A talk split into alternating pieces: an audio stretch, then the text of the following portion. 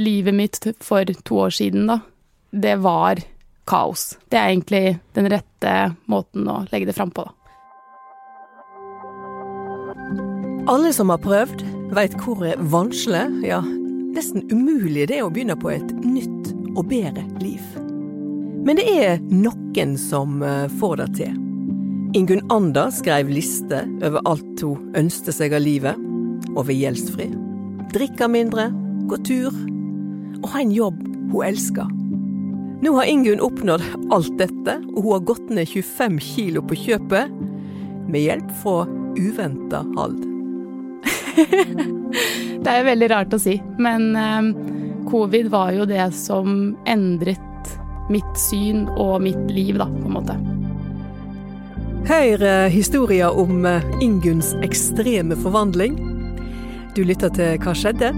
Jeg heter Kjersti Mjør. Eh, hei, jeg heter Ingunn. Eh, jeg er 28 år.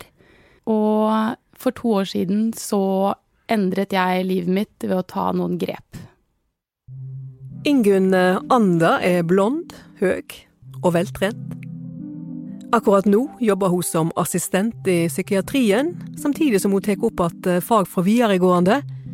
Og målet der framme er å komme inn på medisinstudiet. Men det er ikke lenge siden Ingunn levde et helt annet liv. For to år siden, da hadde jeg en tiårsperiode. Fra type jeg var 16 til 26. Hvor jeg har tatt veldig mange feil valg. Ikke tatt vare på meg selv, verken kroppen min eller psyken min. Jeg festet en del. Jeg ville ikke ta utdanning. Jeg var en sånn litt fuck up på mange måter, da.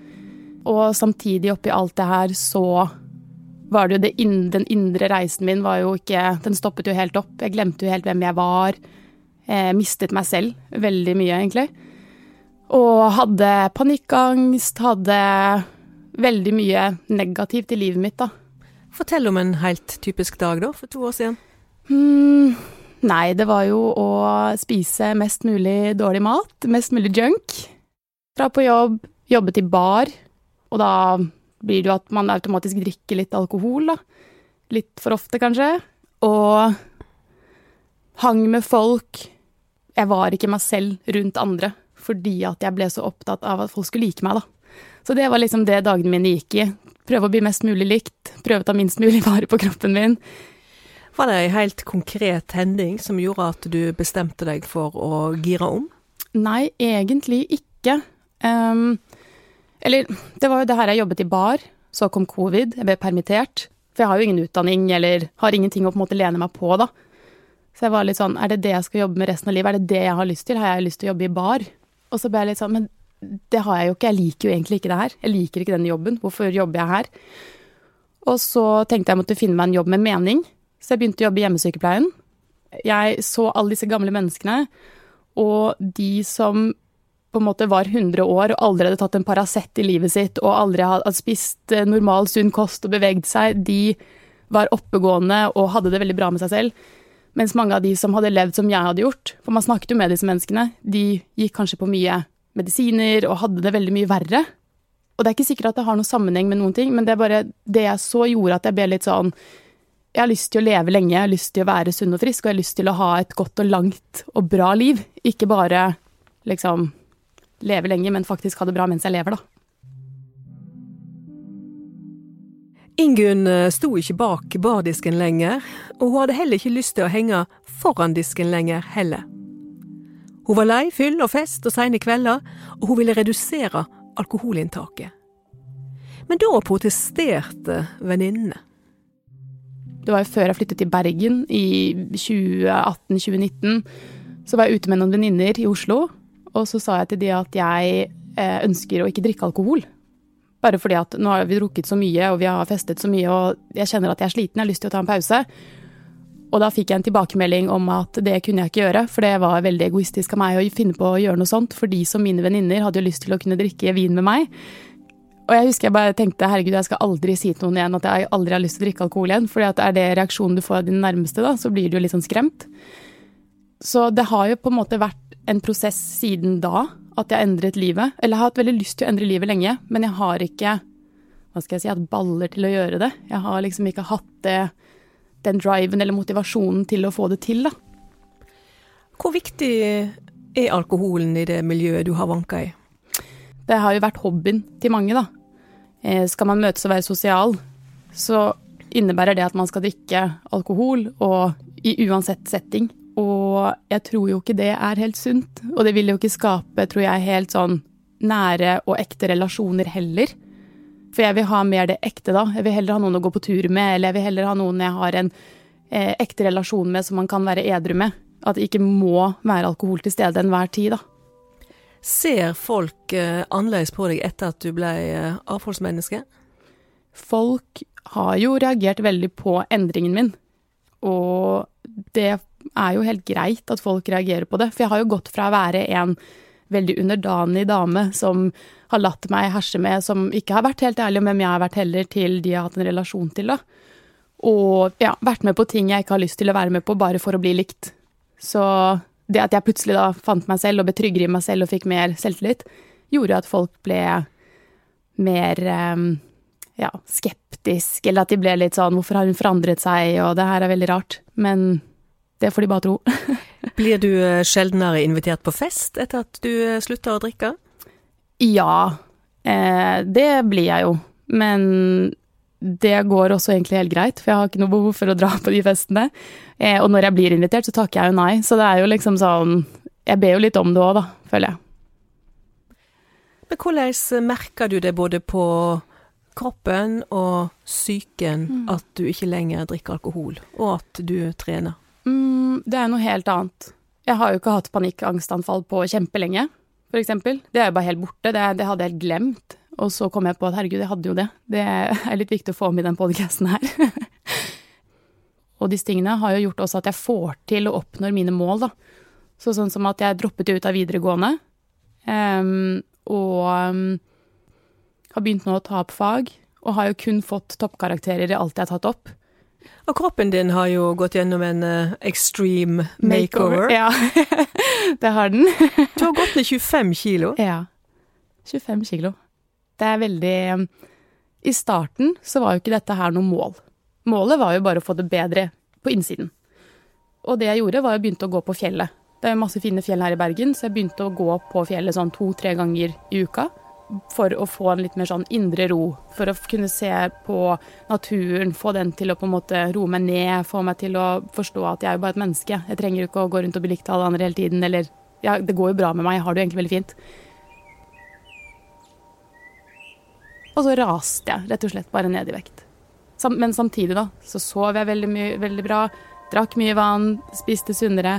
Så det ble jo en sånn spiral som på en måte ble en positiv spiral og ikke en ond en. Så det er jo grunnen til at jeg gikk så mye ned, tror jeg. For jeg hadde jo ikke beveget meg. Jeg hadde jo ikke gjort en fysisk aktivitet på ti år. Og så plutselig Altså utenom å gå fra bar til bar, da.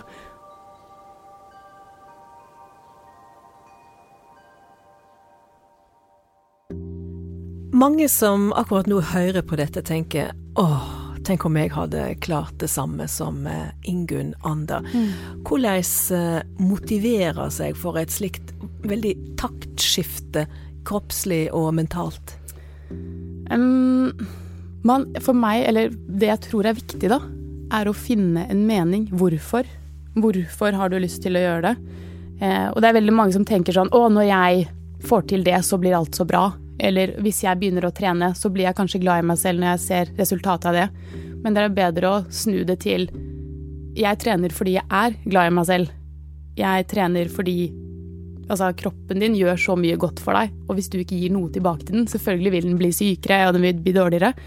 Så jeg tenker at det er liksom viktig å finne sitt hvorfor. Hvorfor har jeg lyst til å gjøre en endring, da? Om det ikke er eh, for utseendemessig, men det indre, så er det jo litt sånn sette seg ned og bare skrive ned hva er det jeg har lyst til å oppnå, hva er det jeg har lyst til å få til. For det har jeg gjort veldig mye. Sittet og skrevet lister i hytt og pine om alt mulig. og jeg tror det er viktig å få det ned på et papir og se det selv, og være helt ærlig med seg selv. Og når du begynte å skrive lister, hva står øverst på den lista? Der står det 'change'. Det er det første jeg skrev. Eh, det her var jo Forandring. Forandring. Det skulle forandre meg. Da var jeg 24 år. Det var i 2019. Og da skriver jeg at jeg har Og da var jeg helt ærlig med meg selv. Jeg husker jeg skrev den lista her, og jeg satt og gråt i senga mi. For det var veldig vondt å på en måte innse Herregud, er jeg så slem med selv, eller hva er det jeg har gjort? Og da skrev jeg det her med at jeg har dårlig økonomi. For jeg tok jo opp forbrukslån og var jo litt der. Jeg bodde hos foreldrene mine på den tiden. Jeg hatet jobben min. Jeg hadde ikke et godt forhold med de rundt meg. Sover, spiser, har ingen hobby. Matvaner er lik dårlig. Trener ikke, drikker og fester flere ganger i uka. Og så skrev jeg bare sånn 27 år 2021. Noen år frem i tid. Hvordan ser livet mitt ut da? Og da skrev jeg gjeldsfri og har kontroll på økonomien min. Eh, Jeg eier leilighet. Jeg elsker jobben min. Jeg går på masse turer. Jeg har godt forhold til de rundt meg, og jeg fester iblant toppen to til tre ganger i måneden. Så så jeg aldri tilbake på den lista, og så plutselig fant jeg den igjen. Så var det jo alt det som hadde skjedd, så det var jo litt sånn litt magisk. Men det å skrive en liste og være helt ærlig med seg selv om hva som man har lyst til å oppnå, tror jeg er veldig viktig. Og gå litt etter det. Alt det som ikke er det du som er det livet du ønsker å leve, må man bare si nei til, på en måte. Og det er jo vanskelig, og det er jo hardt, og det er jo ubehagelig. Men det er 100 verdt det.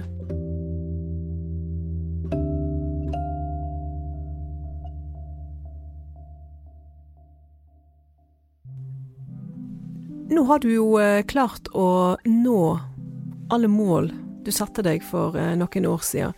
Hva er det du eh, drømmer om i dag? Drømmen min i dag er jo å kunne komme inn på medisinstudiet. Og så er jo en annen drøm jeg har, er å kunne hjelpe andre da, i samme situasjon. Hadde jeg hatt en som jeg er den dag i dag, da, for fem år siden, så hadde jeg kanskje spart veldig mye tid som jeg har brukt opp, da, føler jeg. Hjelpe andre til å klare det du har klart? Hjelpe andre til å klare det jeg har klart. Det er absolutt noe jeg hadde tenkt meg som er en drøm, da, å kunne få til. Hva er den viktigste motoren for å oppnå endring i sitt eget liv? Jeg tror det blir det å liksom vite litt mer, bli kjent med deg selv. Hvem er du, og hva vil du? Hva er det du har lyst til å gjøre med livet ditt, og så gå etter det.